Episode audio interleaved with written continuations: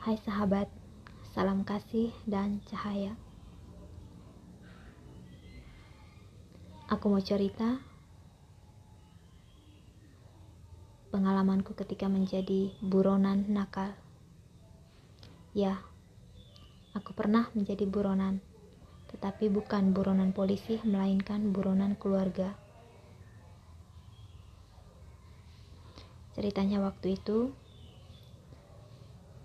aku lagi kuliah di Universitas Flores semester 2 karena merasa tidak nyaman dengan suasana rumah akhirnya aku memutuskan untuk kabur.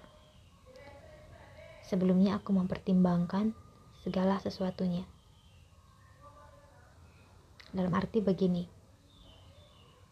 kalau aku kabur otomatis kuliahku terputus untuk poin ini tidak terlalu kusesali karena ketika aku kuliah di Fakultas Keguruan. Jurusan Pendidikan Guru Sekolah Dasar Diploma 2 bukanlah keinginanku. Aku hanya ingin memenuhi keinginan keluarga. Aku ke kampus setiap hari lebih karena aku ingin bertemu teman-temanku saja. Jadi kalau kuliahku terputus, aku pikir tidak terlalu menjadi masalah. Poin kedua, aku harus berpisah dengan cowokku. Awalnya aku pikir berat, tetapi aku pikir aku memang harus pergi. Dan aku pun tidak mau mengikat cowokku dengan sumpah ataupun janji-janji. Jadi aku pikir lebih baik ku lepas saja dia dengan siapa dia menghabiskan hidupnya Aku mendoakan yang terbaik buat dia. Ketiga, sudah pasti kepergianku dari rumah akan menjadi masalah besar. Hubunganku dengan kakakku bisa menjadi berantakan dan bukan sesuatu hal yang tidak mungkin. Aku akan dicoret dari daftar hierarki keluarga. Dan aku siap dengan resiko terburuk sekalipun. Bagiku, meninggalkan rumah kakakku adalah pilihan yang terbaik. Aku ingin menemukan duniaku sendiri, menentukan jalan hidupku. Aku lelah menjadi robot keluarga yang diatur-atur, begini begitu, sekehendak keluarga.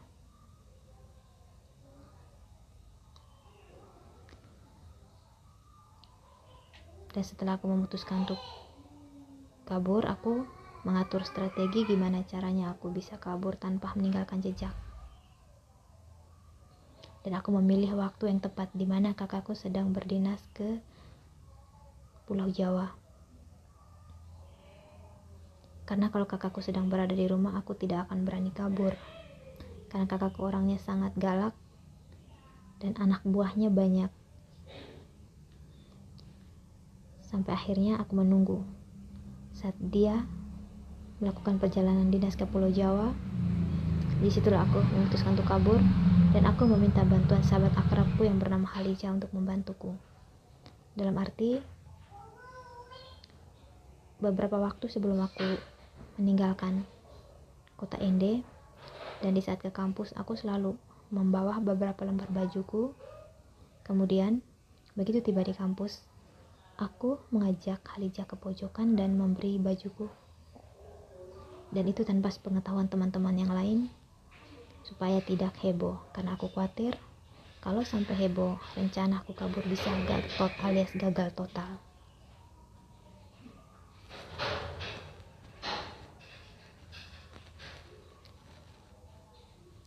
Di hari di mana aku memutuskan kabur, aku bersikap sangat-sangat hati-hati agar tidak ketahuan kalau aku mau kabur. Jadi subuh-subuh aku bangun dan mengerjakan pekerjaan rumah seperti biasanya. Setelah itu aku bersiap-siap. Aku memakai seragam kampus. Aku juga memakai uh, tas yang biasa ku bawa ke kampus. Sehingga kakak iparku dan keponakan-keponakanku tidak menyadari jika pagi itu aku berniat untuk kabur. Hanya Bibi yang tahu dan Bibi mengizinkanku karena dia merasa peduli denganku. Dan aku meminta Bibi untuk merahasiakan dan Bibi sendiri pun takut kalau sampai ketahuan dia bersekongkol denganku karena pasti akan dimarahi oleh kakakku habis-habisan. Jadi Bibi dan Halija bersikap seolah-olah tidak tahu. Nah, di pagi itu ketika tiba di terminal, aku hampir saja ketinggalan bis. Beruntung Dewi Fortuna masih memihakku pagi itu, walaupun bisnya sesak, tetapi aku masih bisa mendapat tempat duduk. Begitu tiba di kota Ruteng sore itu, aku hampir saja nyasar karena aku lupa rumah omku. Tukang ojek yang mengantarku dari terminal ke kota kebingungan. Dia lebih bingung lagi ketika aku tidak tahu nomor telepon omku. Aku juga tidak punya handphone dan yang lebih membingungkan lagi, aku tidak tahu nama lengkap omku. Jadi ketika si tukang ojek ini membantu untuk bertanya-tanya kepada orang sekitar apakah mengenal omku, ternyata aku tidak tahu nama lengkap omku. Aneh kedengarannya, tapi itu yang terjadi. Aku tidak menghafal nama omku karena aku besar di lain kota belasan tahun hidup di lain kota terus datang ke Ruteng di saat kabur itu jadi aku benar-benar buta lokasi dan juga memang benar-benar tidak bisa mengingat dengan jelas siapa nama omku. Karena om yang ku maksudnya adalah om sepupu. Dan aku lebih sering memanggilnya dengan nama anaknya. Tapi pada akhirnya aku bisa mengingat jalan menuju rumah omku. Begitu tiba di rumah omku, omku sedang berada di kantor, yang ada hanyalah tantaku. Tantaku senang melihat aku datang, dan dia berpikir aku datang untuk berlibur. Ketika omku pulang pada sore harinya, eh pada malam harinya, Akhirnya tantaku memberitahu bahwa aku ada dan aku datang untuk berlibur. Omku senang.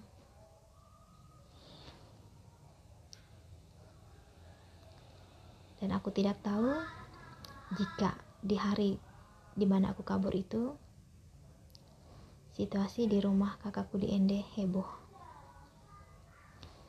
Kakak iparku terkejut begitu tahu aku kabur. Dia langsung menelpon ke Jakarta melaporkan kelakuanku kepada kakakku, kakakku marah besar saat itu. Dia menganggap aku tidak menghargai uh, kerja kerasnya, dan dia menganggap aku sekolah main-main. Kakakku yang polisi juga yang satu kota begitu tahu juga marah dan bersyukurnya di saat aku kabur itu tidak sampai ketangkap sama kakakku yang polisi bisa celaka kalau sampai ketangkap sama dia. Bisa-bisa aku disuruh berlutut di depan tiang bendera di lapangan Polres. Satu kali 24 jam. Karena kakakku yang polisi ini juga galaknya luar biasa.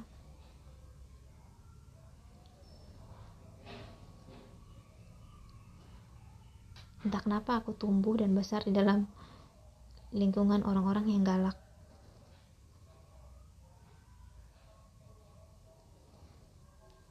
dan begitu aku kabur saat itu kakakku juga melapor kepada bapakku di Flores Timur dan akhirnya heboh lah di Flores Timur. Sampai bapak dan kakak-kakakku yang di Flores Timur berusaha menahan setiap bis jurusan ND Flores Timur untuk mengecek keberadaanku. Karena pencariannya nihil akhirnya bapak menelpon kembali ke kakak iparku di ND untuk mengabarkan bahwa aku tidak ada dan kakak iparku diminta untuk kembali mencari aku di kota Ende. Kakak iparku mencari aku ke setiap teman-teman baikku dan tak ada satupun yang tahu. Dan seperti dugaanku, ketika aku kabur, kakakku pertama kali mencariku di rumah Halijah. Tapi Halijah bersikap seolah-olah dia tidak tahu. Dan kakakku percaya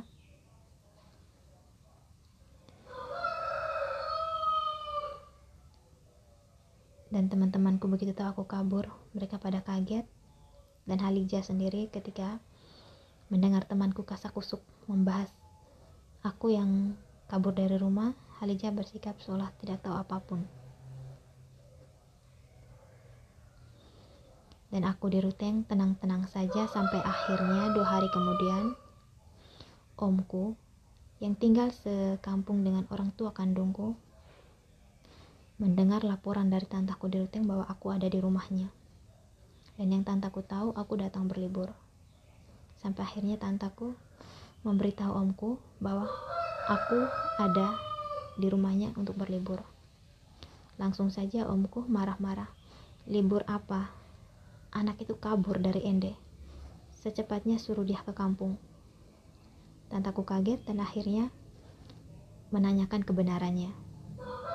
Dan begitu omku pulang dari kantor, tantaku melaporkannya kepada omku dan omku terkejut bukan main dan akhirnya aku disidang. Aku ditanya kenapa kabur. Dan setelah aku memberitahu alasannya, omku bisa mengerti. Tetapi omku menyuruhku untuk kembali ke kota Ende untuk melanjutkan studiku yang terputus karena sangat disayangkan jika harus terputus. Tinggal setahun lagi aku diwisuda dan jika memang tidak mau tinggal dengan kakakku aku di diberitahu untuk tinggal di kos saja. Tapi aku berpikir itu tidak mungkin. Karena kalau sampai aku kembali ke Ende itu sama halnya aku bunuh diri. Karena kakakku kakakku pasti akan berusaha untuk mencariku. Dan begitu mereka tahu aku ada di Ende sekalipun aku tinggal di kos.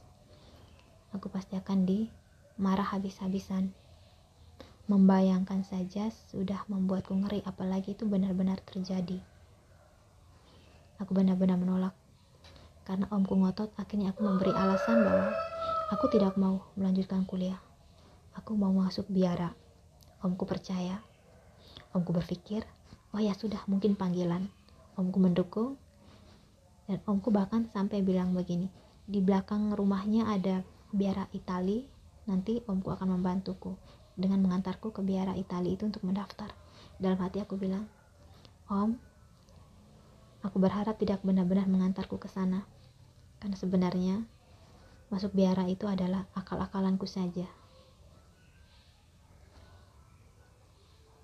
Dan setelah keesokan harinya, aku berangkat ke kampung di mana orang tua kandungku tinggal. Begitu aku tiba, semua keluarga dari mamaku berkumpul. Dan sama mereka juga ikut mensidangkan aku saat itu. Jadi aku seperti seorang terdakwa di hadapan mereka. Aku dimarah-marah. Aku dianggap bodoh, uh, kuliah percuma saja. Berbuat sesuatu tanpa berpikir akibatnya. Bahkan omku sampai ngotot untuk mengantarku kembali ke Ende. Dia bilang, terserah kakakmu mau memukulmu, siapa suruh kamu kabur. Pokoknya kamu kembali ke Ende. Jangan bikin masalah, jangan bikin malu. Jangan bikin rusak hubungan keluarga. Aku mati-matian menolak. Dalam hati aku bilang, kalau sampai aku dipaksa untuk kembali ke Ende, aku akan kabur lagi di tengah jalan. Dan aku akan kabur ke suatu tempat yang keluargaku tidak tahu. Karena aku kabur dua hari di rumah omku saja itu sudah membuat heboh. Apalagi kalau sampai aku kaburnya ke tempat yang keluargaku benar-benar tidak tahu. Dan akhirnya mamaku membelaku dan keluarga akhirnya mengerti dan mereka sepakat bahwa ya sudah kalau memang aku tidak mau kembali ke Ende aku melanjutkan kuliahku di kota Haruteng. Aku menolak. Yang ada di pikiranku saat itu aku mau merantau ke luar negeri. Tapi hal itu tidak kusampaikan kepada keluargaku karena aku tahu pasti tidak akan diizinkan. Aku pasti dipaksa untuk kuliah. Jadi aku merencanakan sendiri dan membanti-banti kedua orang tuaku untuk tidak membocorkan kepada keluarga besar rencanaku untuk merantau ke luar negeri. Alasan utama aku ingin merantau ke luar negeri, aku ingin hidup mandiri. Kedua, aku ingin melanjutkan kuliahku yang terputus, tetapi dengan biayaku sendiri. Dengan begitu aku bebas memilih jurusan apa yang mau kuambil. Kebetulan aku suka belajar filsafat dan sejarah Ketiga, aku dendam dengan orang-orang yang sebelumnya meremehkanku dan menganggap aku sebagai parasit. Jadi, dengan aku merantau ke luar negeri, aku ingin membuktikan bahwa tanpa mereka, aku bisa. Jadi, bukan menunggu mereka baru aku bisa makan, aku bisa hidup.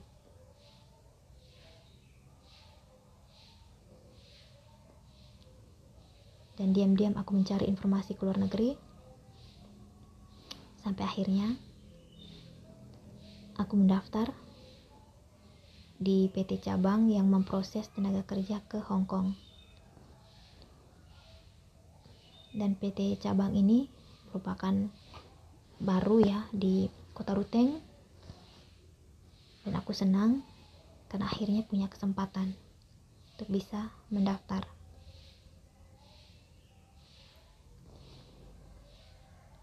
Ketika malam harinya direktur PT Cabang datang untuk meminta surat izin orang tuaku. Dan saat itu pertemuan terjadi di rumah omku yang guru SD yang kebetulan rumahnya dekat dengan rumah orang tuaku. Omku kaget bukan main karena yang dia tahu aku tidak mau melanjutkan kuliah karena mau masuk biara di Filipina. Maka itu dia heran ketika direktur PT Cabang datang meminta izin orang tuaku untuk aku bisa ke Hong Kong. Sampai akhirnya omku menginterogasi direktur PT cabang, benarkah PT yang dikelola oleh direktur cabang adalah PT yang legal? Karena kalau sampai ilegal, omku tidak akan mengizinkan aku berangkat. Bersyukurnya malam itu, direktur PT cabang berhasil menunjukkan bukti-bukti dokumen resmi kalau PT yang dikelolanya adalah PT yang resmi. Dan akhirnya omku percaya dan omku menyampaikan kepada direktur PT cabang Pak kalau memang benar PT Bapak legal saya titip anak saya. Tolong dijaga baik-baik. Mungkin memang anak ini tidak mau merepotkan orang tuanya jadi ya sudah, saya mengizinkan. Akhirnya malam itu aku berhasil mendapatkan izin dan malam itu juga langsung meninggalkan rumah. Keesokan harinya, orang tua aku mengundang semua keluarga untuk berkumpul untuk membuat acara adat. Semacam memohon restu leluhur supaya perjalananku diberkati leluhur. Ini tradisi di dalam keluarga mamaku. Ketika semua keluarga berkumpul, mereka kaget bukan main. Mereka tidak menyangka aku akhirnya keluar negeri. Karena yang mereka tahu, aku mau masuk biara. Dan ketika mereka bertanya kapan aku berangkat, dan begitu orang tua aku memberitahu bahwa aku sudah berangkat di malam hari sebelumnya itu akhirnya keluargaku kaget bahkan sempat mengomel ya karena aku tidak memberitahu apa pun kepada mereka dan satu hari sebelum keberangkatanku aku sempat bertegur sapa dengan keluargaku dan tidak pernah membahas rencanaku untuk merantau ke Hong Kong. Aku sengaja tidak menyampaikan kepada mereka karena aku khawatir rencanaku akan dihalang-halangi. Dan bersyukurnya, salah seorang omku yang disebut pendoa tinggalnya jauh dari rumah mamaku. Kalau seandainya malam itu dia ada, dijamin aku tidak akan berangkat. Dan yang aku ingat, di setiap aku punya keinginan untuk menemuinya dan untuk meminta didoakan, aku mendengar ada suara dari dalam batinku yang mengatakan seperti ini. Jangan, nanti dia tahan kamu. Awalnya aku bingung, suara siapakah ini? Dan ketika aku berniat untuk tetap datang ke rumah omku, suara ini datang lagi. Aku semakin bingung, tetapi karena saat itu berangkatnya juga mendadak, jadi benar-benar tidak sempat ke tempat omku. Aku hanya menitipkan pesan kepada mamaku untuk menemui omku dan meminta doanya. Karena aku sudah terlanjur berangkat, mau tidak mau omku merestui. Seandainya aku meminta restu langsung aku pasti tidak akan diizinkan berangkat karena sama omku yang pendoa ini aku sempat ngomong jujur bahwa aku tidak mau kuliah, aku mau merantau ke luar negeri. Dan di saat itu omku langsung memberi lampu merah. Kamu pikir kerja di luar negeri gampang?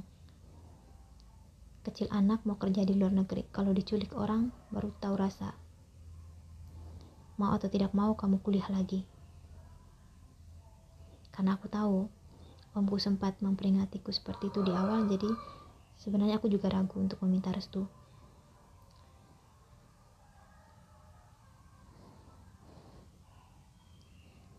Begitu aku tiba di kantor cabang, sudah ada dua gadis muda di sana. Yang seorang langsung menyapaku ramah, yang seorang lagi terlihat dingin dan terkesan angkuh. Dengan kedatanganku, Akhirnya, kami menjadi bertiga saat itu. Setelah itu aku mengikuti prosedur di mana aku harus medikal kesehatan dan begitu hasilnya keluar dan aku dinyatakan sehat akhirnya aku dan kedua temanku dan belakangan ada dua lagi jadi kami berlima kami didaftarkan di Depnaker Ruteng. Proses pendaftaran di Devnaker agak berbelit-belit karena pihak Devnaker agak keberatan untuk mengeluarkan izin karena merasa khawatir bahwa PT yang menangani kami adalah PT yang ilegal. Sampai akhirnya Direktur PT Cabang menunjukkan semua dokumen-dokumen resmi. Setelah itu akhirnya Devnaker mengizinkan tetapi dengan persyaratan kami berlima harus dibawa ke Devnaker untuk diwawancara satu persatu. Ketika kami diwawancara, kami ditanya, adik-adik ini mau ke mana? Ke Malaysia? Kami menjawab semua dengan semangat, ke Hong Kong Pak. Hong Kong, eh, pegawai itu agak terkejut karena jarang sekali anak Flores yang diberangkatkan ke Hong Kong dan kami memang angkatan pertama yang diberangkatkan ke Hong Kong. Kami ditanya lagi di Hong Kong menggunakan bahasa apa. Akhirnya kami menjawab kantonis atau bahasa Hong Kong. Dan kami bilang bahwa selama kami di penampungan, kami sudah sempat belajar bahasa Hong Kong.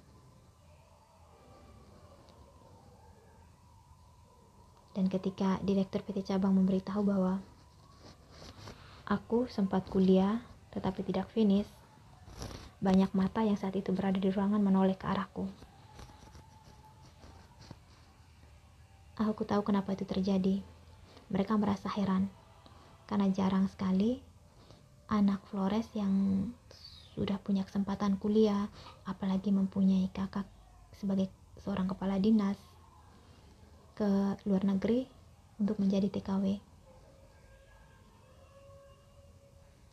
Dan inilah aku dengan isi otakku yang rada ganjil. Aku disuruh kuliah, kabur menjadi TKW.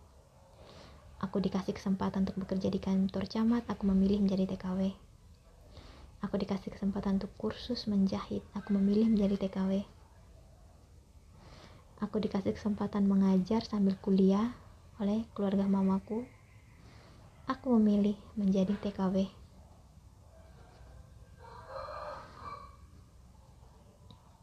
Dan aku pengen keluar negeri untuk belajar dan melihat bagaimana orang di luar negeri bekerja menghasilkan uang dan bagaimana budaya mereka di sana.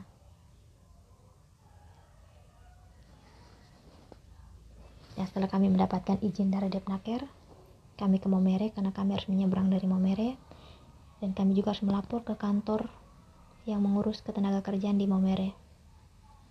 Dan prosesnya tidak terlalu rumit karena petugas di kantor ketenaga kerjaan Momere melihat bahwa kami mengantongi surat resmi.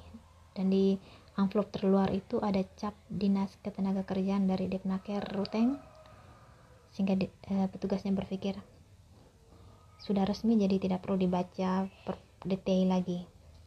Dan begitu kami tiba di dermaga direktur cabang melaporkan keberangkatan kami ke KP3 Laut Sadang Buih Momere. Dan polisi hanya membaca bagian luar dari amplop yang diserahkan oleh direktur PT Cabang karena mereka tahu perjalanan kami resmi dan ternyata di hari yang sama. Tetapi kapal yang berbeda terdengar kabar ada beberapa puluhan calon tenaga kerja wanita yang mau diberangkatkan ke Singapura waktu itu dicegal oleh polisi intel dari kepolisian resort Kabupaten Sika dan akhirnya calon TKW ini dikembalikan ke keluarga karena tidak mengantongi surat resmi berbeda dengan kami berlima.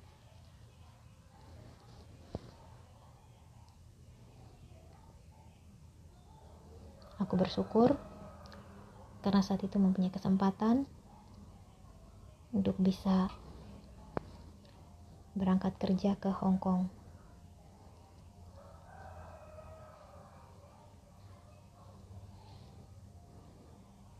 Nah, sahabat, ini ceritaku. Thank you, namaste.